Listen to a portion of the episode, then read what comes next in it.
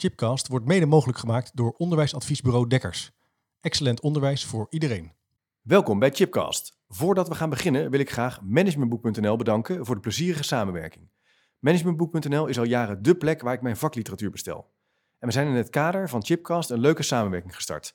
Op www.managementboek.nl slash chipcast vind je een overzicht van de boeken die de revue passeren in de Chipcast afleveringen.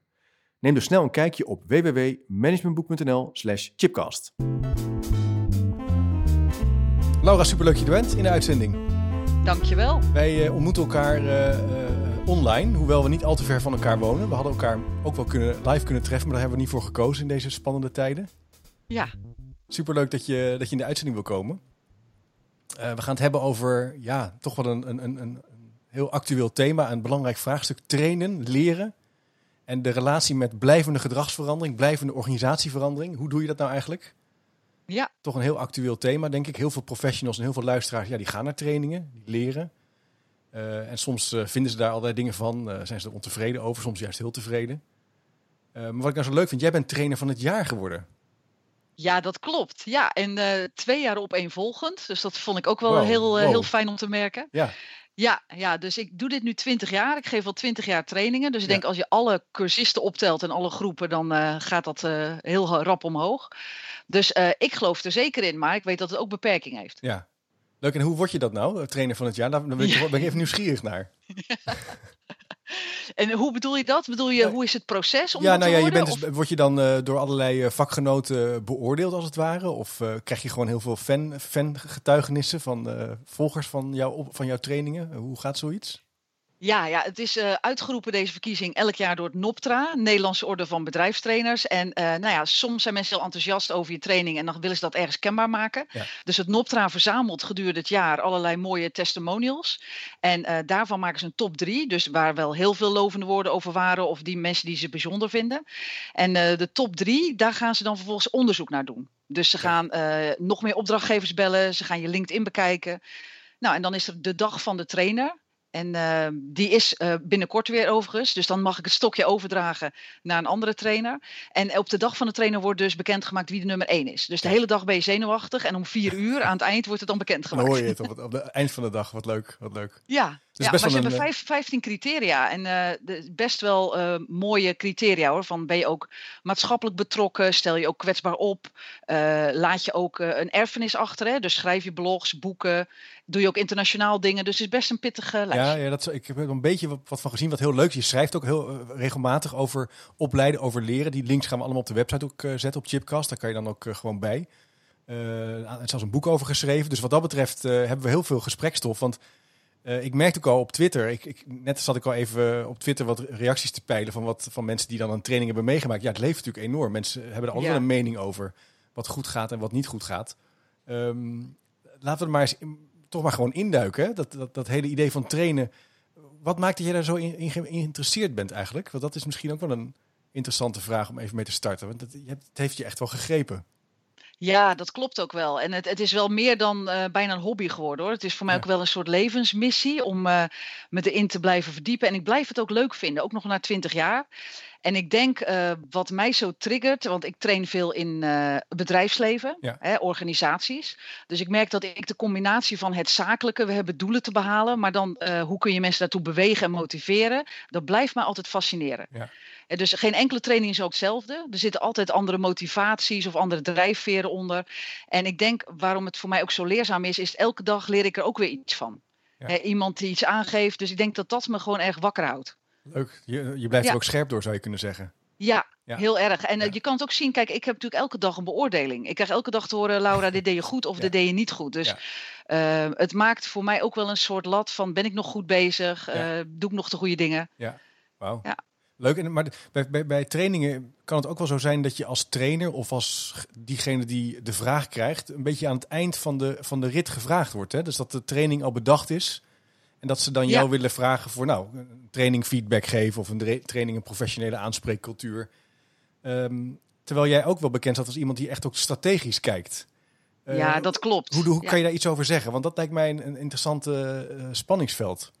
Ja, ja, en ik geef ook uh, veel trainen, trainen en opleidingskunde. En ik noem het altijd dat je aan het eind van de trechter wordt gevraagd. Oh ja, dus er, er, is een trechtermand, hè, we willen wat bereiken met het bedrijf. Goh, dat vraagt gedragsverandering. En uiteindelijk komen ze bij mij terecht met: kun jij op 13 november tussen 10 en 12 deze training geven? Ja, ja. en uh, ik wil natuurlijk weer naar boven klimmen in die trechter. Dus wat mijn strategie inmiddels een beetje is, dan lach ik vriendelijk en dan knik ik vriendelijk. Zeg, oh, wat leuk dat jullie aan mij hebben gedacht en wat een leuk onderwerp. Vertel er dus wat meer over. Oh dus langzaam kom ik dan weer van: oké, wat voor gedragsverandering wil je naar de strategie?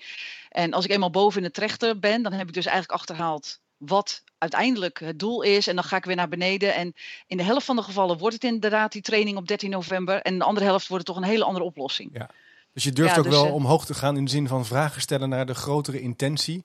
De grotere beweging achter een training of een dag dat je bij elkaar komt. Dus dat, dat, dat is wel belangrijk om te doen. Want jij noemt, je hebt ook een aantal van die factoren geïdentificeerd. Eh, dat is wel één belangrijk punt, denk ik. Ja, zeker. Ja, dus eigenlijk eh, de pijn of het verlangen achterhalen. Want anders is het een beetje met hagelschieten. Ja. Ja. Als ik niet precies weet wat nou het doel is. En ja, ik vind ook eerlijk gezegd mijn vak om de beste oplossing voor de klant te brengen. En soms ben ik dat niet, hè? Soms is dat geen training. Uh, soms is dat gewoon, goh, misschien kun je er eens aan denken om die twee teams die nu uh, uit elkaar zitten, om die gewoon eens naast elkaar te zetten. Dus gewoon een structuurverandering, waardoor er wel communicatie gaat ontstaan. Ja, ja. Bijvoorbeeld. Ja. Ja, dus je moet wel echt op. Dat is ook wel een beetje meervoudig kijken, zou je kunnen zeggen. Als je in het begin van zo'n fase uh, met een opdrachtgever in gesprek gaat. Ja, ja, en de eerste tien jaar deed ik dat helemaal niet. Hè. Toen dacht ik, oh leuk, weer een training. En ik heb zulke leuke oefeningen, de sleutelbos. Hè. Ik had van allerlei leuke oefeningen. Dus ik ging dan los op de didactiek en de oefeningen. En op een gegeven moment maakte dat ik uh, daar zelf een beetje verveeld van begon te raken. Ik dacht, ik weet echt helemaal niks over de voorkant van het traject. Ik doe ook niks aan de achterkant. Hè, dus ik word besteld en ingehuurd om een dag mensen in beweging te krijgen, maar ik heb te weinig grip. Um, dus daardoor ben ik na tien jaar, hè, dat was de helft van mijn carrière, gaan denken: ik wil gewoon wat meer weten van de context. En ook daar wat betere vragen over leren stellen. Ja, hoe, hoe, hoe ben je dan? Hoe, hoe, hoe heb je dan je eigen leerproces daarin vormgegeven? Wat ben je toen gaan doen dan? Ja, ik weet dat nog heel goed. Op een gegeven moment had ik een grote opdracht bij, de gemeente, bij een gemeente in Zuid-Holland. Mhm. En uh, dat waren ook veel groepen. Nou, dan denk je als hè, freelancer of ZZP, denk je, oh, mooie grote opdracht. En ik had een moment dat ik terug in de auto zat, dat ik dacht, volgens mij heb ik een grapje gemaakt in die groep die ik eigenlijk ook al eerder in dezelfde groep heb gemaakt. Ja, en toen, ja. kwam, toen kwam ik achter, volgens mij zit ik gewoon meer op Hè, dat ik wat ik goed kan, te veel aan het repeteren ben. En ik had eigenlijk, ik sloeg een paar keer ook de plank mis met een opmerking. Uh, dus ik weet dat moment nog heel goed. En toen dacht ik, ik moet mezelf wat meer gaan verbreden. Dus ik moet niet een trusted trainer worden, echt maar een trusted advisor. Dat mensen mij ook voor in die trechter gaan bellen en niet pas aan het eind. Ja, ja precies. Dat is echt wel een ander, een ander uitgangspunt, een andere identiteit zou je kunnen zeggen. Ja. Dus van ja. de hele goede trainer ook ontdekken van, hé, hey, ik zit een beetje af en toe de, dezelfde dingen te doen. Een soort ander, eh, proberen op een nieuwe manier jezelf opnieuw uit te vinden bijna. Ja, ja. Ja, en wat wel heel mooi was, want vaak als je dat bij jezelf beseft, dan gaan ook ineens allerlei luikjes open. Hè? Dus dan ja. kom je ook de juiste mensen tegen en dan ben je precies op het goede congres waar dan net dat soort technieken worden geleerd. Dus ik zou de maand daarop naar een Amerikaans congres vliegen en uh, daar zag ik heel veel van dat soort technieken. Amerikanen zijn ook wel goed in het analyseren van de vraag voordat je een oplossing uh, aanbiedt. Ja. Dus daar heb ik toen heel veel geleerd. En toen is bij mij langzaam uh, dat ben ik weer dat pad opgegaan. En het leuke was, ik voelde ook mijn hele economiestudie weer terugkomen. Oh ja. Want ik ben ooit begonnen als bedrijfseconoom. Ah. Ja, dan doe je dat natuurlijk. Hè. Wat voor factoren spelen er in een bedrijf? Toen was ik helemaal doorgeslagen naar trainer. En toen later dacht ik, ja, zie je, dat soort vragen heb ik altijd gesteld. Wat is eigenlijk jullie bedrijfsdoelstelling? Waarom lukt het nu niet? Uh, nou, Wat leuk, je, je, je hebt jezelf ook een beetje de ruimte gegeven om echt strategische vragen te stellen. Om die ruimte gewoon te pakken als je ja. uh, uit wordt genodigd voor een, uh, voor een vraagstuk. Ja. Ja. En is dat ook ja. iets wat je aanraadt aan, aan trainers? Want jij traint ook heel veel trainers. Uh, vind je dat een belangrijke bekwaamheid?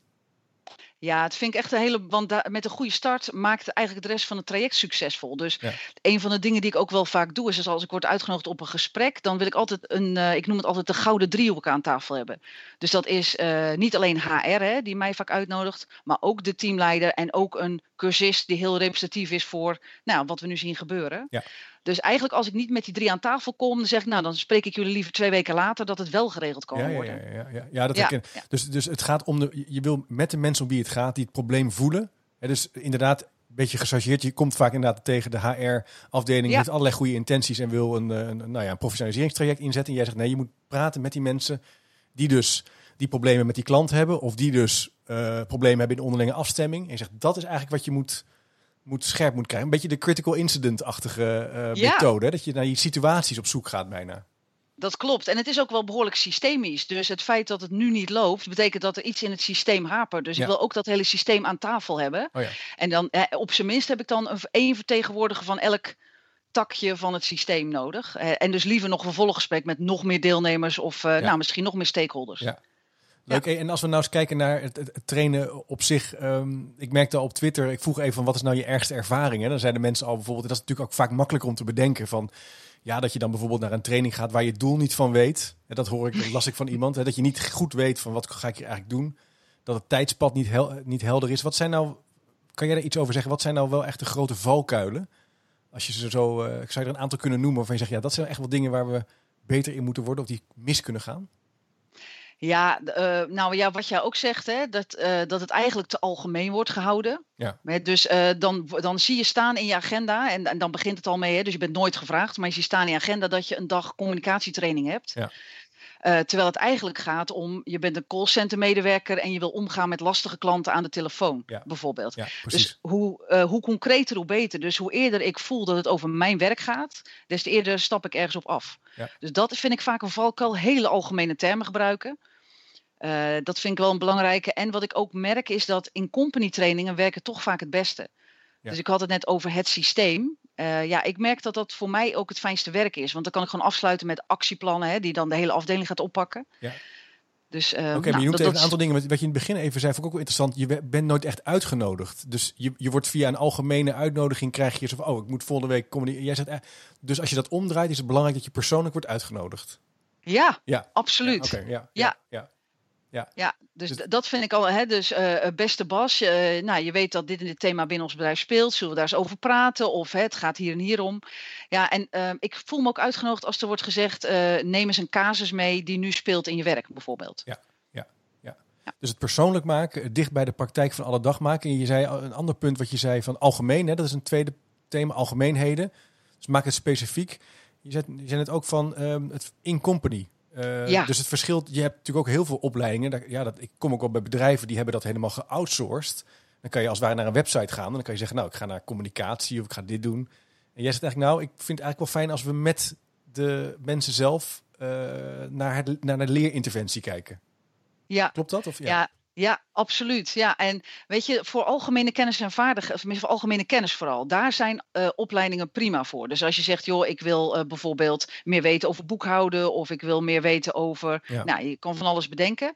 Uh, want dan is het vrij algemene kennis. En als je daarop zit te wachten als beroepsbeoefenaar, is dat gewoon prima. En als het gaat om we willen hè, een beweging maken in de organisatie, dan heb ik op zijn minst het hele team nodig. Ja. Wat dus meewerkt aan die beweging. Want uh, wat je ook zei, hè, je had op Twitter die vraag gesteld. Ja. Uh, je, je kan ook een beetje cynisch kijken van, nou, dan hebben we één iemand op training gestuurd, die komt dan helemaal verlicht terug. En de rest zegt van, nou, hè, je was tien dagen weg, het ligt een hoop werk op je te wachten, succes. Ja, ja, ja, ja, ja. ja dat is niet wat je wil. Je wil gewoon dat je samen hebt, hebt doorleefd en samen weet wat je anders wil. Ja, dan krijg je ook een beetje die flauwe presentaties, dat iemand even in het teamoverleg mag, mag vertellen. Wat ja. mee. En het is natuurlijk allemaal zijn goede intenties, maar als je natuurlijk, want we hebben het hier ook over gedragsverandering, hè, of organisatieverandering. Dat gaat over mensen. Mensen zullen dus dingen anders moeten doen. Daar word je voor gevraagd als trainer. Daar ben je als leerexpert mee bezig. Dus je wil natuurlijk dat mensen ander gedrag gaan ja, laten Vertonen. zien. Ja. Ja. Ja. Ja, ja, ja en, en dat vraagt ook gewoon volharding en doorzetten. Dus ik praat ook inmiddels niet meer over een training, maar over een traject. Ja. En eigenlijk start het al bij uh, de uitnodiging van hè, hoe word je uitgenodigd, uh, voel je uitgenodigd. En het moet niet een eenmalige injectie zijn. Ik moet het gevoel hebben, we zijn een traject gestart, dus tussendoor doen we dingen. Vervolgens komen de vervolgsessies. En uh, ik heb liever dat we uh, acht keer elkaar een halve dag zien, dan dat we onszelf een week op de hei opsluiten. Ja, ja. Want het vraagt ook gewoon oefenen en weer vallen en weer opstaan en weer dingen proberen. Ja. Dus in, in plaats van zeg maar groot moment, tussentijd niks, weer een groot moment, zeg jij van je kan beter kijken naar, naar bescheidere ontmoetingen, gericht op concrete praktische situaties. En dat je tussendoor ook kunt experimenteren of dingen kunt uitproberen. Dat, is zijn, dat, dat maakt de kans op verandering ook groter. Ja, ja, en het is ook een beetje uh, automatiseren van je nieuwe gedrag. Als je dat regelmatiger en vaker doet en het is klein en overzichtelijk, dan maak je vaker de stap. Uh, ik gebruik, ik noem het ook wel eens het uh, de sportschool-effect je gaat liever ook uh, acht keer twee uur naar de sportschool dan twee keer acht uur. Dus waarom gaan we nou twee keer acht uur trainen? we kunnen beter acht uur twee keer of acht keer twee keer twee uur trainen. Ja, precies. precies. ik vind twee uur ook wel lang hoor. Ik ga dan, ik vind 15 minuten. maar goed, ik zal wel, ik zal wat je. En kan je een voorbeeld geven van dat oefenen? Want je zegt het moet eigenlijk dus inslijten. Dus daarna moet je als het ware hoe, uh, heb je daar een voorbeeld voor uit, uit, een, uit een organisatie waar je dat hebt meegemaakt of hebt begeleid? Ja, uh, ik geef natuurlijk veel trainer-trainer. Ja. Uh, dus nou, dan komen mensen met allerlei technieken in aanraking. Bijvoorbeeld, hoe doe ik een goede intro of hoe introduceer ik een oefening op een goede manier. Ja, en wij maken het gewoon heel concreet. Dus dat is, uh, pak de agenda's. Wanneer is je eerst volgende training? En bereid een intro voor. En eh, stuur die bijvoorbeeld aan mij op hè, als trainer. Dat je even zeker weet van even checken of zit ik in de goede richting. En de volgende training kom ik erop terug. Je hebt hem gegeven, hoe is dat gegaan? Dus ik oh vind eigenlijk coaching van de trainer tussen bijeenkomsten door gewoon net zo prima. Ja, precies. Dus je bent eigenlijk ook nabij in die tussentijd. Dus je kan jou ook even dan een, eh, de opdracht. Je zegt eigenlijk van nou stuur het maar even op, laat maar even zien. Ja, klopt. En ik ben ook iedereen zijn grootste cheerleader hè? en zijn grootste supporter. Want als je iets anders gaat doen dan normaal, ja, dat is ook wel spannend. Ja, ja het allerergste is natuurlijk dat als je dat uitprobeert, dat iemand dan heel kritisch gaat zijn. Of, of, hè, dus dat wil je ook niet. Je moet, dus de waarderende benadering is ook wel denk ik belangrijk. Dat als je het gaat uitproberen, dat je dan positief uh, bekrachtigd wordt, zou je kunnen zeggen. Ja, ja, en uh, het is dat bekende gezegde dat als je dus hè, iemand complimenten geeft, dan gaat de dopamine aan waardoor je adrenaline sneller gaat stromen. En wat je dan ervaart of meemaakt, dat gaat van je werkgeheugen meteen naar je lange termijn geheugen. Ja. Dus ehm, alles wat ik doe met te benoemen van, kijk eens wat goed dat je dit hebt gedaan. En uh, wat is je succes geweest? Ja, dat zijn ook wel belangrijke bouwstenen, vind ik, voor iemand zijn uh, gedragsverandering. Dus dit zijn allemaal manieren om die borging te vergroten. Die kans op duurzame gedragsverandering te vergroten. Ja. ja. Kan je er nog eens iets van noemen? Wat zijn de andere dingen die we, die we kunnen doen? Ja, ik heb een aantal jaar geleden ook een uh, onderzoek gedaan daarna. Ik heb toen uh, de bedrijven die ik trainde, heb ik een half jaar later weer opgezocht en gevraagd: Goh, gebruiken jullie nog steeds dingen die we toen in training hebben gedaan? Uh, zo ja, hè, dus waarderend kijken, zo ja. Waardoor kwam dat dan? Dus wat zijn werkende principes? En ik heb dat met een aantal collega's, dat onderzoek gedaan. En het leuke was dat op een gegeven moment hoorden we steeds dezelfde dingen terugkomen. En uiteindelijk hoorden we zeven dingen. En uh, ik merk ook in de literatuur dat mensen het heel vaak hebben over de zeven factoren of de zeven werkende principes. Ook in, uh, in België van uh, professor Douchy, die heeft dat ook, het heel-principe. Ja. dus ik kom ook uit op zeven factoren. Nou, er zijn er al een wil je dat ik ze allemaal even opnoem? Dat vind ik wel leuk, ja, laten we doen. Ja, graag. Ja, ja. ja want uh, we hebben er al een paar benoemd. Ja, ja, ja, volgens mij ook. Ik heb ze eerder gezien, maar het is wel leuk om even voor de luisteraars even zo op een rijtje te, te horen, denk ik. Ja, nou, de eerste is uh, de stakeholders. Dus wie heeft er belang bij dat de gedragsverandering van een team slaagt? Hè? Dus vaak is dat de teamleider, maar dat kan ook iemand anders zijn. Dus wie is de stakeholder en die moet eigenlijk vooraf betrokken worden. Uh, de tweede is dat uh, de training zo authentiek mogelijk lijkt op wat je straks te doen hebt. He, want hoe moeilijker het voor mij is om zelf de vertaalslag te maken. Dus stel ik, wil, werk bij Philips en de training worden voorbeelden genoemd van ING dan gaat het minder vliegen dan wanneer ik een echte werksituatie heb van een echte, nou, wat ik zelf ook doe dagelijks. Ja. Dus de context en hoe echt lijkt het erop is een belangrijke. Uh, sociaal is een belangrijke factor. En daarmee bedoelen we van, heb ik mijn maatjes om me heen met wie ik normaal gesproken ook het werk verricht? Dus word ik herinnerd, word ik geholpen, kan ik af en toe even uitblazen? Dus uh, je leert bijna ook nooit alleen. Als je denkt aan momenten waarin je geleerd hebt, was het altijd met mensen om je heen. Ja. Dus zit dat er? Uh, motivatie is de vierde pijler van de zeven. Dus dat betekent, uh, voel ik een wil om te veranderen? En het interessante is, dat ligt eigenlijk niet bij mij. Hè? Dat ligt bij de teamleider om de manager om mensen klaar te stomen eigenlijk voor mijn training. Ja, ja. Um, de vijfde is wat wij noemen integratie. Hebben mensen ruimte en mogelijkheid tussen de bijeenkomsten door om te oefenen? He, dus staan er blokken in hun agenda en uh, nou, maak het een traject in plaats van een training. Uh, de zesde factor noemen we intensiteit. Dus dat betekent hoe uh, meer je kan oefenen, des te beter het zal beklijven. En de zevende factor is maak je gebruik van de technologie. He, dus zorg je ervoor dat alles binnen twee kliks of tien seconden te vinden is. Dus dan, dat noemen ze tegenwoordig performance support. Dus op het moment dat ik hulp nodig heb, heb ik dan dat brokje wat ik nodig heb ja. heel snel uh, beschikbaar. Ja. Dus ik kwam erachter dat in die interviews dat het altijd om één of meer van die zeven dingen ging. En dat dat goed geregeld was en goed georganiseerd en dat het daarom bleef plakken. Ja, mooi. Ook, ik kan me ook voorstellen dat die, die just-in-time support van de, de telefoon of de tablet of je, je laptop, dat je even wat erbij kan halen, dat dat vandaag de dag ook heel goed te organiseren is.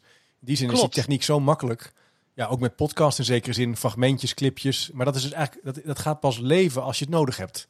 Ja, Terwijl we misschien tien jaar geleden dachten, nou, we sturen het allemaal op. Hè. Dat was toch het idee van de grote cursusmap met alle, alle data paraat en zo. En dat is wel echt aan het veranderen.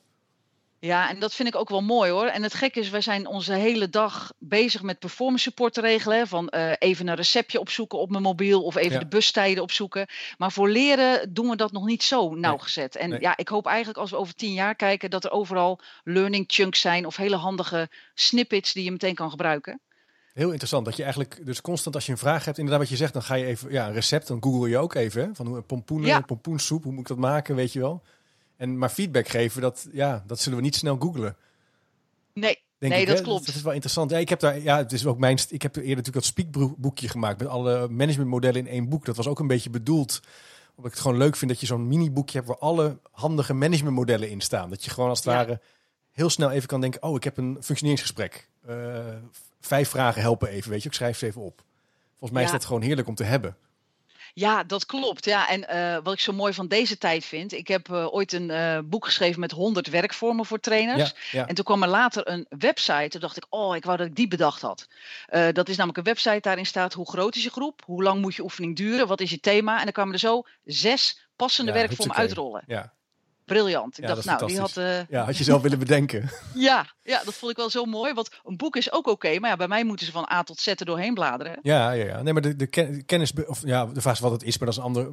Informatie begint ook steeds makkelijker toegankelijk te worden eh, met zoekmachines, met algoritmes. En dat is natuurlijk zich constant aan doorontwikkelen. En dat- een ander punt waar jij, het- wat je ook noemt als een van de variabelen, is die social support of die sociale omgeving. Hè? Nou kan het natuurlijk ook wel zijn bij zo'n, je noemde even zo'n eh, een overheidsinstantie, dat het allemaal een beetje suffig is. En dat het allemaal wel klantgericht moet, maar dat de rest, de andere afdelingen nog niet direct eh, vooraan de, in de rij staan om eh, ook mee te veranderen. En dat is toch een vaak wat je hoort bij stagnerende veranderprocessen. Dat ja, een klein clubje wil wel, maar hoe krijg je die rest nou mee? Ja. Vanuit, vanuit een trainersperspectief gezien, hoe kijk jij daarnaar? Ja, en eh, dat valt eigenlijk eh, bij, bijna buiten het trainen. Hè? Want ik noem het altijd eh, het KIT-model. Dus ehm, als ik mezelf wil verbeteren, hè, dan moet ik kennis van iets hebben, inzicht en ik moet het hebben toegepast. En wil je een grotere beweging creëren, dan zul je inderdaad al die mensen moeten hebben getraind om dat setje wel te hebben. Maar die, die machine, om die te laten lopen, zijn ook managers nodig die het allemaal faciliteren, die willen coachen, die de regels willen veranderen om het ook voor organisaties prettig te maken. Dus Ja. Voor een, een cultuurverandering of een organisatieverandering vind ik altijd is er wel iets meer nodig dan alleen de training. Ja. Wij zijn een onderdeel Ja, een van de gedragsverandering. Ja, precies. Maar je, je, als je zo kijkt naar die bouwstenen, met concrete vraagstukken werken, met specifieke ondersteuning op het juiste moment, tussendoor eigenlijk mensen kunnen ondersteunen. Het is eigenlijk gewoon werken. Het heeft, Ja, eigenlijk. Ja. Toch? Je zou bijna het niet meer trainen noemen zoals we dat vroeger zouden noemen. Van vaardigheden trainen of kennis trainen. Ja, ja, en daar ben ik ook wel heel erg van gecharmeerd. Ik heb ook aan een traject meegewerkt in, bij Amsterdamse verpleegtehuizen. En die noemden dat traject leren is werken en werken is leren. Ja, En daar hadden we ook een mooi traject gemaakt waar het helemaal samensmolt. Eh dat was heel intensief, maar eh, mensen voelden het bijna geen eens meer als een training. Het werd zo op de werkvloer gebruikt en toegepast. Dus ja, volgens mij is dat wel de toekomst. Is wel de ook omdat veranderingen zo snel gaan. Ja, precies. Want het is niet meer zo dat je klaar bent voor een half jaar. Nee. Als je eenmaal wat. Het, het is natuurlijk helemaal in de commerciële wereld, denk ik. Ehm, is die wendbaarheid steeds belangrijker.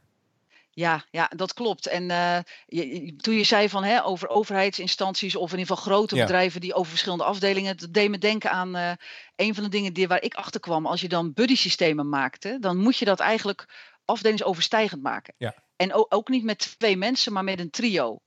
Want eh, stel jij hebt het druk en ik heb het druk, nou dan zeggen we oké, onze buddy afspraak, nou hè, als jij even een oogje toeknijpt, ik ook, dan, dan gaan we dat niet doen. Maar een derde gaat altijd zeggen, wacht even, Oh ja. hè, we hadden dit afgesproken. Ja, dus dan ontkom je er niet zo aan.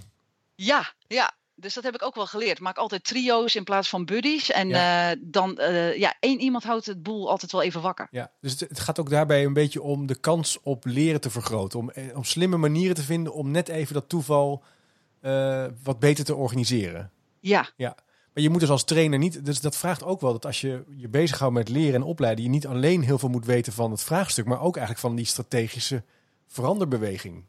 Het vraagt, het vraagt wel wat van je. ja, dat klopt. Ja, en ik merk ook dat als ik eh, met trainers bezig bent om ze op te leiden. Je bent nooit klaar wat je zegt. Dus mensen gaan verschillende richtingen op om zich verder te bekwamen. De een gaat inderdaad iets van bedrijfseconomie doen. Omdat ze het idee hebben van ik moet echt meer over de context van de organisatie weten. De ander gaat meer de coachingskant op. De ander gaat meer naar veranderkunde. dus die wil meer grip krijgen op veranderprocessen en hoe je dat dan kan sturen. Dus klopt inderdaad. Volgens mij, ja, de, de trainer van de toekomst is eentje die wel verschillende gereedschappen heeft om in te zetten. Zowel de psychologische kant als de zakelijke kant. Ja. En nou is het natuurlijk zo dat we in, de, in het coronatijdperk leven. Uh, dus ik heb inmiddels al volgens mij twee projecten compleet online gedaan. Ik, ik ben nog geen trainer, maar wel in, in, de zin dat ik dus mensen niet meer ontmoet. Maar wel bezig ben strategisch uh, om uh, elkaar te ontmoeten. Dat zou bij trainen ook zo zijn. Het is veel minder makkelijk nu vanwege de, de coronarichtlijn om elkaar natuurlijk live te ontmoeten. Ehm, zie jij al een aantal trends of zie jij al een aantal dingen ontstaan waar, waar, je wel van zegt, hé, hey, dat is interessant? Nou, wij zitten natuurlijk nu best wel een tijd in deze periode. En ik merk ook dat mensen meer gaan wennen. En ik hoop eigenlijk dat later wordt gezegd van dit was een soort doorbraak voor het online stuk. Want het heeft ook wel voordelen. Hè? Je hoeft minder te reizen, je bent wat meer met je familie. Dus wat ik hopelijk ga zien is dat een opdracht tegen, opdrachtgever tegen mij zegt... joh Laura, waarom heb je ons hier een uur voor in de file laten staan? Ja. En we konden dat ook gewoon met leerchunks doen. Of je had hier ook een video over kunnen opnemen... en had ik het in mijn eigen tijd online kunnen bekijken. Uh, ik merk dat dat nu al een beetje gebeurt. Dat er vaak tegen mij wordt gezegd: kan dit eventueel ook online? Want dat is prima. Kan het, en het gevaar is, kan het ook in de avond. Oh ja. He, dat dus een, ja. dat is wel aan het gebeuren. Ja. Maar het is grappig dat jij eigenlijk heel erg open staat over uh, als het gaat over feedback. Dus als een, een, een, klant zegt, nou ja, waarom moet dat nou dat uur? Dan is dat voor jou eigenlijk meer een leerkans om het anders te doen dan dat je denkt, oeh, jammer of zo. Ja, ja. Ja, ja, ik vind het wel leuk dat je dat zegt. Want hoe is dat jou tot nu toe bevallen met die twee projecten volledig online? Um, het, het, is heel wisselend. Ik moet zeggen, ik heb een, uh, een grote schoolorganisatie begeleid in het formuleren van een soort strategische visie naar kwaliteitsimplementatieplan. Uh, om het even heel kort te, te, zeggen. Dat is best wel goed gegaan. Daar hebben we heel veel online interviews gedaan en gesprekken gevoerd in kleinere groepen. Dat vond ik echt, uh, werkt heel goed. Ook naarmate je langzaam tot een soort kristallisatie komt van zo'n plan, kan je dat heel goed met elkaar online uh, bespreken. Ja. Eh, dus daar ben ik echt heel, uh, heeft me echt wel verrast. Ik, uh, ik, heb, ik geef ook les bij de UvA, nu een bachelorvak voor Learning in Organizations, waar studenten dus bij bedrijven onderzoek gaan doen naar een leervraag of een verandervraag. En dat vind ik wel moeilijk. Moeilijk voor de studenten omdat ze niet naar de bedrijven kunnen. Dus je, je, mist gewoon iets wat je, ja, ik weet niet, diepgang, interactie, feedback. Maar ik mis het. Ik vind het zelf ook lastig als ik online les moet geven aan, aan, aan 20, 22 mensen Soms is het live en, en digitaal bij elkaar. Dus dan sta je in een collegeruimte en dan heb je ook online. En het lijkt wel of mijn IQ-punten als het ware dalen naarmate ik verder, in het, verder in de les kom. Dus, dus ja. ik, ik, uh, dat vind ik minder leuk. Ik mis dan wel de interactie.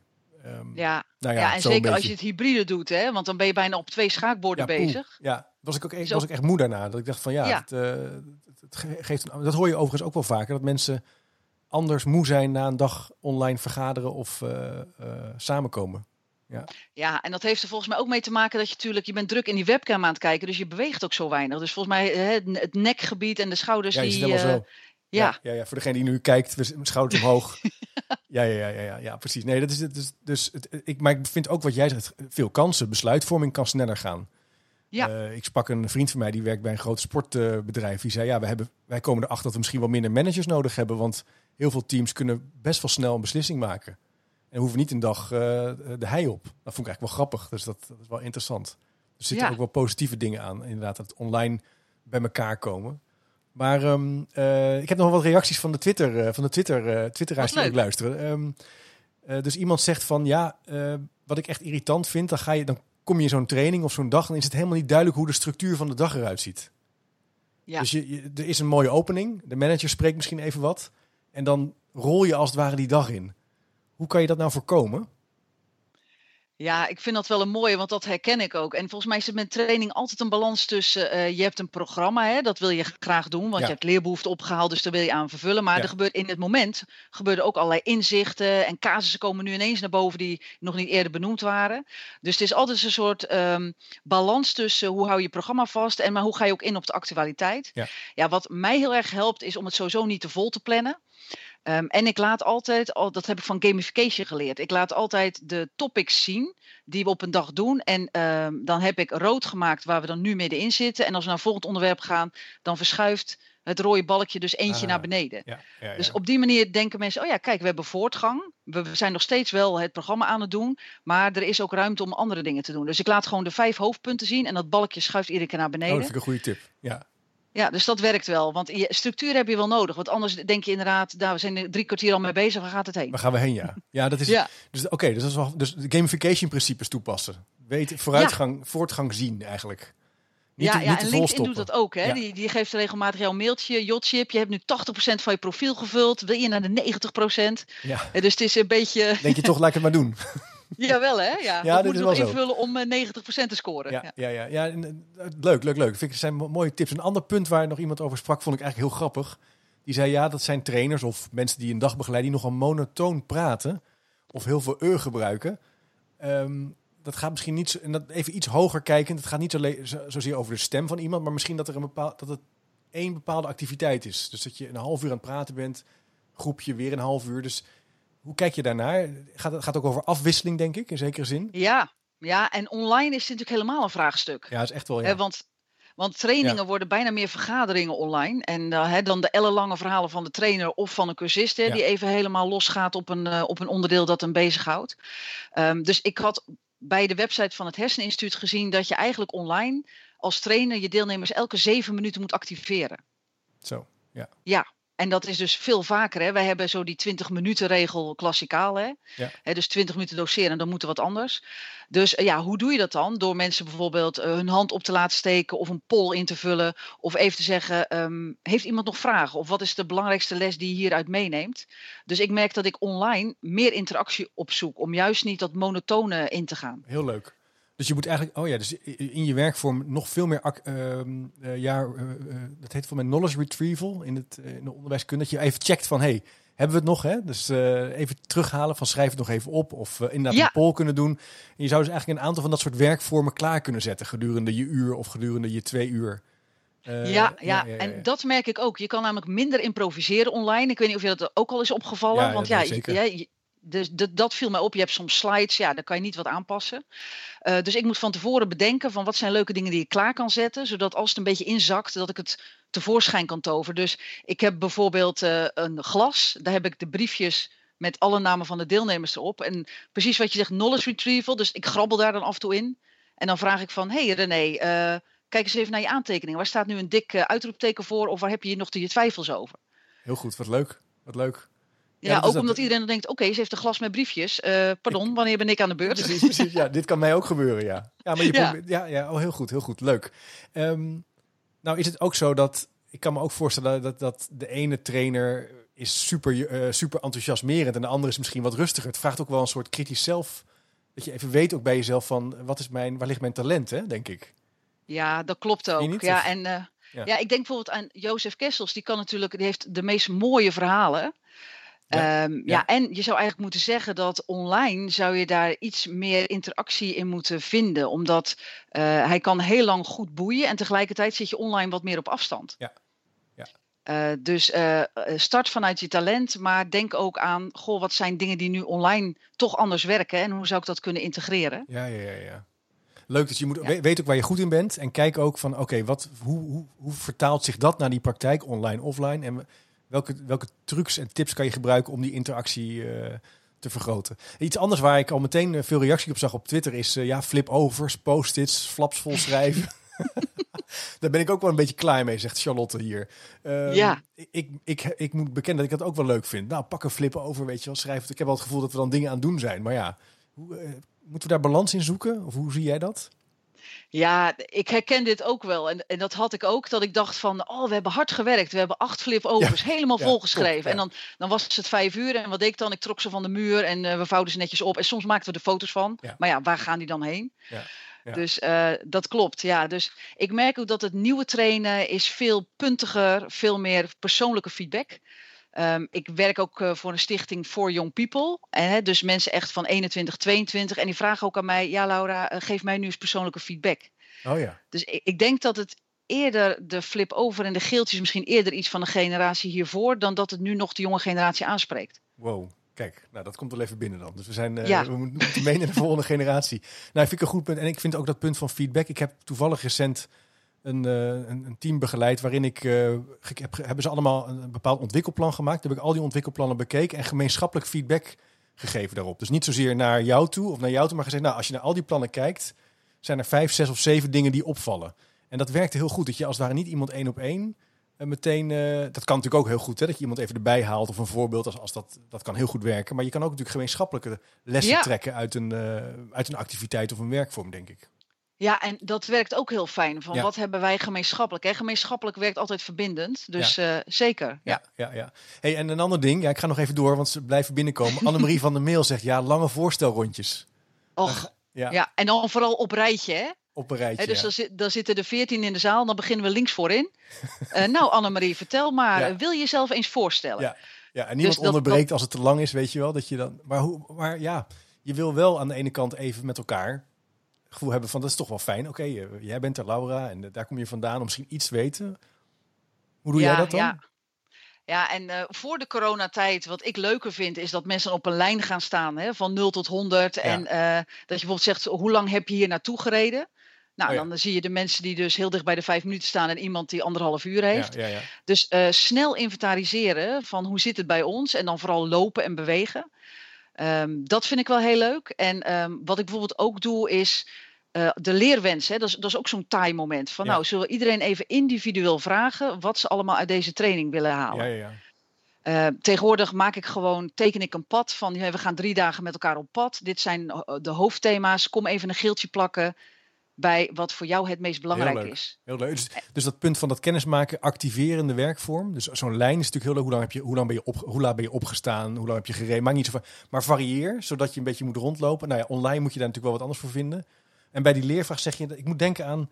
Ik heb ooit met Jaap Boonstra gewerkt. Die heb ik eerder ook in de uitzending gehad. Die had dan een soort landkaart. Uh, Met allerlei plekken. En um, in het begin dacht ik, oh, dat is wel heel soft of zo, wat vaag. En de plek van nergens en de plek van de... En dat had hij heel leuk gedaan. Dan vroeg je aan mensen van, uh, nou, je bent hier nu en we hebben hier een dag over, het ging over, eh, over leiderschap en, uh, en spelvormen. En wat kom je hier halen? Het was echt heel leuk om te doen, want dan moet je met die kaart ga je aan de gang en dan weet je kruisen en zo. En tekens waar je naartoe wil. En dacht ik, oh ja, dat is, dat eigenlijk wat jij ook zegt, hè? Ja, dat klopt. En ik weet ook, uh, uh, To Know How is bijvoorbeeld een bedrijf wat echt de bedenkers zijn van de landkaart. Dus die maken oh echt letterlijk oh, een landkaart op de ah, grond. Ja. ja, dat is wel heel leuk. En online is die natuurlijk ook fantastisch te doen. Dat je zegt van, we zitten nu allemaal thuis je kijkt nu naar een slide met een landkaart van Nederland. En uh, waar zit jij nu op dit moment? Oh ja. Leuk. Dus, uh, ja, precies. Ja, precies. Je, je, zoekt iets gemeenschappelijk, iets verbindends. Ondanks dat we op afstand zijn, uh, ja, wat is bij ons gemeenschappelijk? Nou, dan kom je erachter dat je misschien wel ineens vanavond heel dicht bij een collega bijvoorbeeld zit. Ja. Leuk. Um, ik ga nog even door met vragen. Want dat is toch, geeft, toch wel, geeft toch wel mooie input als het gaat over die gedragsverandering en die verandering in die organisatie. Uh, op LinkedIn had jij ook de oproep geplaatst. Het berichtje werd heel veel geliked, maar er was ook een vraag van Anne Giese.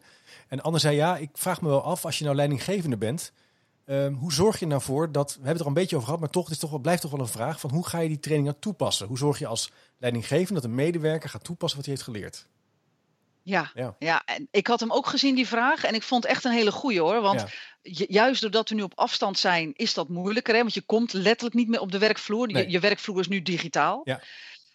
Um, ik merkte wel dat van mijn zeven factoren had de manager voor 23% doorslaggevende invloed. Dus hè, die, die taartpunt met die zeven factoren zijn niet allemaal één zevende, maar die manager was voor 23%. Dus als ik een betrokken manager heb, die echt weet waar ik mee bezig ben. Die af en toe zegt, zullen we even een online koffiemomentje doen?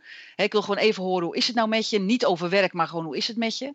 Dat maakt volgens mij wel het verschil. en De, ik denk de misvatting die managers nu hebben, is dat ze zeggen, ja, we komen gewoon bij elkaar. En dan gaan we het vooral hebben over de agenda en over het werk.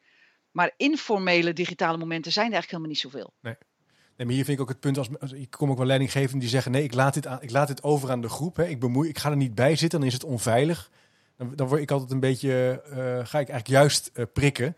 Want ik denk altijd, ja. je wil er toch juist bij zijn. Je, je, draagt niet bij aan een veiligere omgeving door je als het ware te onttrekken van het leerproces. Uh, ik heb, overigens blijft ik, ik, volg André de Waal heel, met heel veel interesse. Die doet ja. onderzoek naar high performance organizations. Hij komt overigens binnenkort ook in de uitzending. Hij heeft een heel leuk boek geschreven over het leiderschap.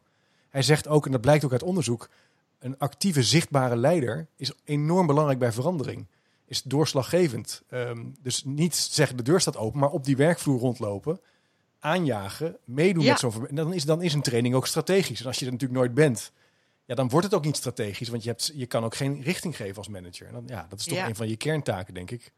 Eh, ja, je, je bent ook echt nodig. Je bent onderdeel van het systeem. Ja. ja en Ja. ehm, aan de ene kant snap ik het wel. Het is ook soms een beetje bescheidenheid hè, van managers. Dat ze zeggen, ja, maar eh, weet Ja. je wel, ik wil er niet te veel bovenop zitten en ik wil ruimte geven. Maar dan nog kunnen afspreken bijvoorbeeld dat je er iedere dag eh, be- het beginuur erbij bent aan de, of Tuurlijk. aan het eind een uur. Ja. Eh, want je wilde ook horen wat er speelt en Ja. waar iedereen mee zit. En ik denk wat een beetje wringt daarbij is dat je hebt natuurlijk het leren en het presteren. Ja. En ehm, de manager is ook degene die mij de eindbeoordeling geeft aan het eind van het jaar. En eh, de training is ook om te experimenteren, gekke opmerkingen te maken, kijken wat de grens is. Hè, en ga ik er net een beetje overheen of net niet. Ja. Eh, dus ik denk dat daar het euvel zit. En als je Ja. gewoon in goede harmonie het doel van iedereen duidelijk hebt, dan moet dat niet zo'n issue zijn. Nee, dus, dus aan de ene kant is dat leren en presteren, is dat over elkaar aan het heen schuiven, zeggen we eigenlijk. Hè? Ja. Dus het begint leren begint werk te worden. Aan de andere kant is leren een fundamenteel andere activiteit dan presteren. Dus moeten we ook wel zien dat dat is inderdaad wat je zegt, vertrouwen, uitproberen, veiligheid, een beetje rommelen. eh, maar Ja. plezier maken met, met het onvermogen wat je soms hebt bij eh, nou ja, klantgerichter iemand te woord staan. Dat is ook gewoon af en toe lastig. Ja, En, en dan gaat Ja. het pas stromen, zeg je eigenlijk. Ja, Ja, dat klopt. En als die manager al vanaf begin af aan onderdeel is van dat proces, dat als eh, ik eruit stap als externe trainer, dan kan die gewoon blijven doorgaan. Omdat Ja. hij ook die leuke momentjes heeft meegemaakt of die een beetje moeilijke momenten. Ja. Dus ja, eh, eh, mijn oproep is ook aan managers, plaats je er niet buiten, maar vind een leuke balans tussen er wel bij zijn en Ja. inderdaad wel ruimte geven. Leuk hoor, leuk, interessant. Hey, en ehm, nou gaan we dus binnenkort een nieuwe trainer van het jaar zien. Ja, Dus dat is spannend. Jij ben- hebt vast ook wel ideeën over die trainer van de toekomst. Je hebt er al iets over gezegd, hè? Van, van, van, van ehm, eh, flip over naar korte interactie en feedback. Heb je daar nog andere ideeën over, die toekomst van trainen en opleiden? Ja, dat het inderdaad meer naar de werkvloer toe gaat. Ja. En ehm, ja, ik vind eigenlijk hè, de, de trusted advisor kunnen zijn. Ik wil eigenlijk bij meer gebieden betrokken zijn dan alleen. En dit is de leerinterventie en kom, eh, kom langs. Eh, dus ik denk dat het dat meer wordt. Dat je als trainer eigenlijk eh, samen met een bedrijf optrekt. En als een partner dus regelmatig bij leerinterventies aanwezig bent. Dus ik, ik geloof er wel in dat we meer toegaan naar een netwerkorganisatie. En volgens mij is het al aan het gebeuren. Hè, dat de wanden van bedrijven die gaan steeds meer naar beneden en alles smelt eigenlijk steeds meer samen. Eh, dus ik geloof wel dat de, de toekomst van de trainer is dat hij sowieso meer online gaat doen, maar ook vaker samen met ehm, de medewerkers op de vloer gaat werken. Dus de trainer ook als coach en de Ja. trainer ook als eh, coach van de manager bijvoorbeeld. Ja, dus in het werk ook er zijn. Mee wandelen, Ja. mee oplopen. Simon Ja. van der Veer noemde dat langs zij komen. Vond ik wel een mooi eh, een beetje begrip in, in het zeilen misschien. Want jij bent ook een actieve zeiler. Is dat een begrip uit zeilen? Ja, lang, dat je als het ware mee oploopt met de dynamiek van een team. En vanuit daar probeert te helpen en te begeleiden. In plaats van als het ware eh, aan land te kijken en te gaan roepen van wat iemand verkeerd doet. Ja. Ja, is en denk ik denk ik- dat ja. dat, dat, Ja, dat misschien achter, hè, dus laveren, dat is ook zo'n mooie zeilterm, en eh, helpen bijsturen. Maar er moet wel een kapitein zijn die voor mij wel helpt om de koers te bepalen. Dus die manager vind ik nog steeds wel heel cruciaal. Maar daar ik moet denk dus ook veel meer mee optrekken als trainer. Ja. ja, ik was denk ik in, in mijn promotieperiode, toen ik nog onderzoek deed naar die netwerken, vrij radicaal over managers. Toen dacht ik, nou, we hebben ze misschien niet meer nodig. Ik was ook hevig teleurgesteld toen ik ooit een onderzoek deed bij een scholengemeenschap waar ze zeiden, nou, we gaan wel degelijk nog managers hebben. Dat ik dacht, ja, wow, wat is dit nou? Ik heb wel geleerd dat het wel fijn is dat er een leider is. Eh, je kan dat wel roleren in een team. Je kan daar positioneel naar kijken. Je hebt er allerlei vormen voor. Maar ook bij leren en bij veranderen is het wel fijn als iemand natuurlijk richting geeft. Eh, dat met Ja. teamleden doet en dat ook organiseert. Soms met hulp van buitenaf, met een trainer of een trusted advisor. Ja. Leuk hoor, Laura. Nou ja, we kunnen nog super lang over doorpraten. Kijk, ehm, laten, we, laten we snel horen wie het gaat worden, wie jou gaat opvolgen. Maar het is natuurlijk wel heel Ja. bijzonder om jou, eh, jouw werk tot nu toe zo eh, daarover met je in gesprek te gaan. Heel erg leuk. We hebben veel linkjes ook eh, besproken. Die plaats ook even op de website. Hè. De, onder andere die zeven kern-items waar je onderzoek naar hebt gedaan. En het eh, e-book wat je hebt geschreven, die zal ik ook even plaatsen op de boekenkast op eh, chipcast.nl. Ehm Laura, dankjewel voor je tijd. En Jij eh, ook. wie weet zien we elkaar een keer in Bloemenheuvel op een later moment eh, live. Als het allemaal wat, eh, wat rustiger is qua corona-hectiek. Ja, dat zou ik heel leuk vinden. Ja. Dank je wel. Gaan we doen. Tot kijken, dag. Doeg!